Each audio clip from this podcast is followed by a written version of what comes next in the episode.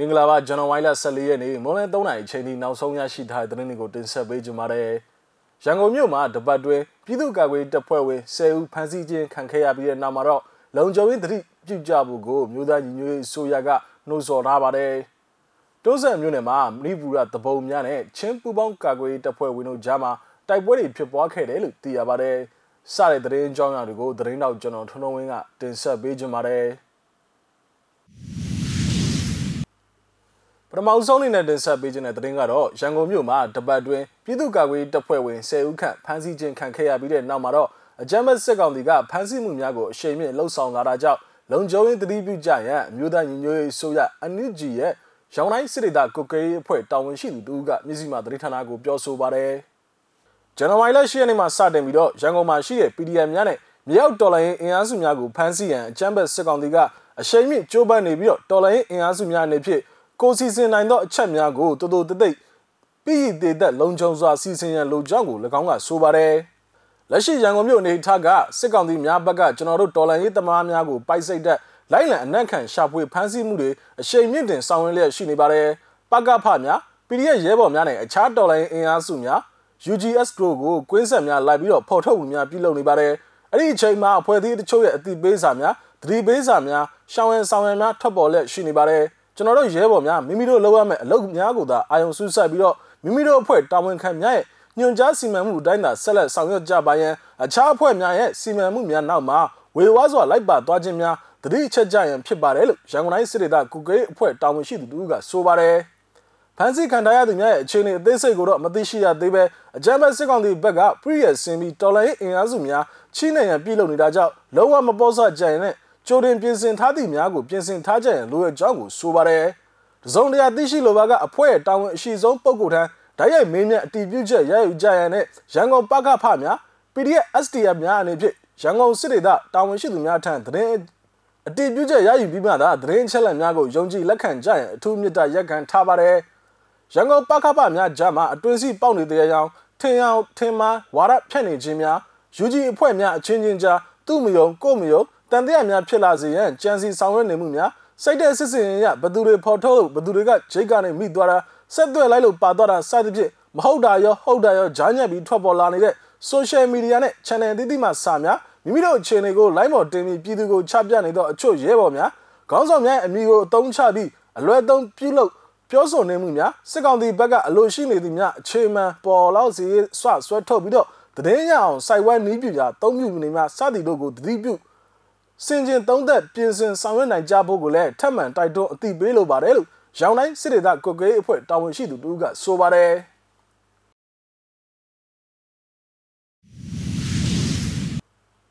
ဆလဘီတင်ဆက်ပေးခြင်းတဲ့သတင်းကတော့ချင်းမီနယ်တွန်းဆန်မြို့နယ်ဆန်နန်းကျေးရွာနီးမှာမဏိပူရကသဲတပုံပူပေါင်းအဖွဲ့နဲ့ချင်းမီနယ်ပူပေါင်းကာကွယ်တပ်ဖွဲ့ဝင်တို့ကြားမှာတိုက်ပွဲတွေဖြစ်ပွားလျက်ရှိကြောင်းကို CJDC အဖွဲ့ထံမှသိရပါတယ်။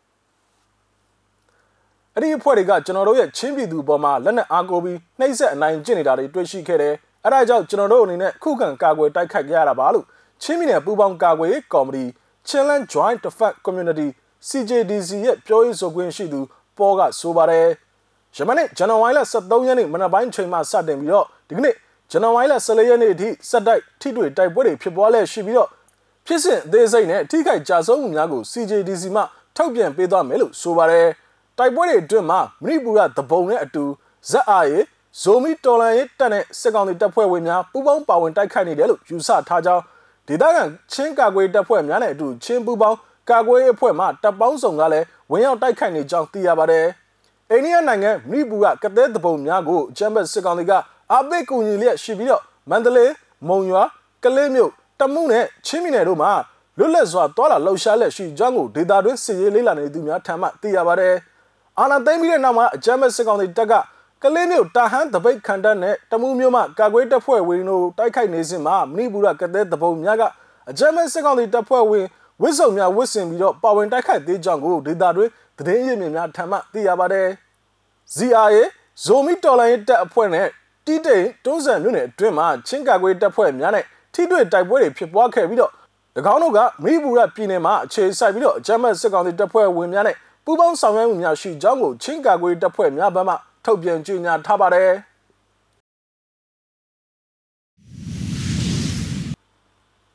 နောက်ထပ်တင်ဆက်ပေးခြင်းတဲ့သတင်းကတော့သတင်းနိုင်တိုင်းဒေသကြီးတဝဲခရိုင်လောက်လုံမြို့နယ်တော်ကျဲကျွေးရွာမှာရမန်လေးကဒလန်လို့နာမည်ထွက်နေသူအမျိုးသားတဦးကတလန့်ပစ်ပြစ်သက်ခြင်းခံခဲ့ရကြောင်းကိုလောက်လုံမြို့နယ်ပြည်သူ့ကာကွယ်တပ်ဖွဲ့လောက်လုံပစ်ပက်ဒဖန်ဖို့ရဲ့ထုတ်ပြန်ချက်ထဲမှာဖော်ပြထားပါတယ်။ ပြစ်ခတ်ခံရသူကလောင်းလုံမြို့နယ်တော်ကျဲကျွော်မှာနေထိုင်သူဦးတန်းထိုက်ဆိုသူဖြစ်ပြီးတော့၎င်းကကျွော်အတွင်းမှာရှိတဲ့နပ်ပွဲလောင်းကစားဝိုင်းများပြုလုပ်နေစဉ်မှာဇန်နဝါရီလ23ရက်နေ့မွန်လယ်ပိုင်းတနအီချိန်ကပြစ်ခတ်ခံရကြောင်းကိုဒေသခံများထံမှသိရပါတယ်။လောင်းလုံမြို့ဒေသခံတို့ကလောင်းကစားဝိုင်းထဲမှာသူကဒိုင်လုံနေတာပါ။ဦးကောင်းအပြစ်ခံရတယ်လို့၎င်းကဆိုပါတယ်။လောင်းလုံမြို့နယ်မှာဒလန်အကြီးစားလို့နာမည်ထွက်နေသူတူဖြစ်ကြောင်းအာနာရှင်စန့်ကျင်တပိတ်မောက်ပြုလုပ်နေသူများရဲ့နေများကိုလည်းလမ်းပြပေးခြင်းနဲ့ လောင်းကစားဝိုင်းများကိုပြုလုပ်နေသူတူလည်းဖြစ်ကြောင်းကိုဒေသခံများကဆိုပါတယ်။လက်ရှိချိန်မှာတနက်ဖြစ်ပြစ်ခတ်ခြင်းခံခဲ့ရသူဦးတန်းတိုက်ဆိုသူကတနက်ဒဏ်ရာများကြောင့်တပွဲပြည်သူစေုံကြီးမှာစေကုသမှုခံယူနေရကြောင်းကိုမြို့ခံတွေထံမှသိရပါတယ်။နောက်ဆုံးလေးနဲ့တင်ဆက်ပေးခြင်းတဲ့သတင်းကတော့ခလာရ268မှစစ်ကောင်စီတပ်သားဟာလက်နက်နဲ့အတူ CNDF ထံကိုထွက်ပြေးခုံလုံလာပါတယ်။ ချင်းပြည်နယ်ဖလန်းမြို့နယ်ခလာရ268စစ်ကောင်စီတပ်သားဇင်လင်းအောင်ကိုပိုင်အမတ်တ9421ဟာလက်နက်နဲ့အတူချင်းမျိုးသားကာကွယ်ရေးအဖွဲ့ချုပ် CNDF ထံကိုထွက်ပြေးခုံလုံလာကြောင်းကိုဒီကနေ့ဇန်နဝါရီလ14ရက်နေ့မှာ CNDF ကသတင်းထုတ်ပြန်ကြေညာလိုက်ပါတယ်။အကြမ်းဖက်စစ်ကောင်စီတပ်သားဇင်လင်းအောင်ကအကြမ်းဖက်အာဏာသိမ်းစစ်ကောင်စီတပ်ရဲ့ပြည်သူများကိုတပ်ဖြတ်မှုနဲ့လူခွင့်ရေးချိုးဖောက်ကျူးလွန်နေတဲ့မမှန်ကန်သောလောက်ရများကိုမနစ်သက်ချင်းကြောင့်စစ်တပ်ကိုစွန့်ခွာလာခဲ့ခြင်းဖြစ်ပြီးတော့ ယခုသတင်းပတ်အတွင်းမှာ CNDF ထံကိုထွက်ပြေးရောက်ရှိလာခြင်းဖြစ်တယ်လို့ CNDF ရဲ့အတွင်းရေးမှူး Slide William ကမြစည်းမသတင်းဌာနကိုပြောဆိုပါတယ်။သူကထွက်လာဖို့လဲတော်တော်ကြာပြီး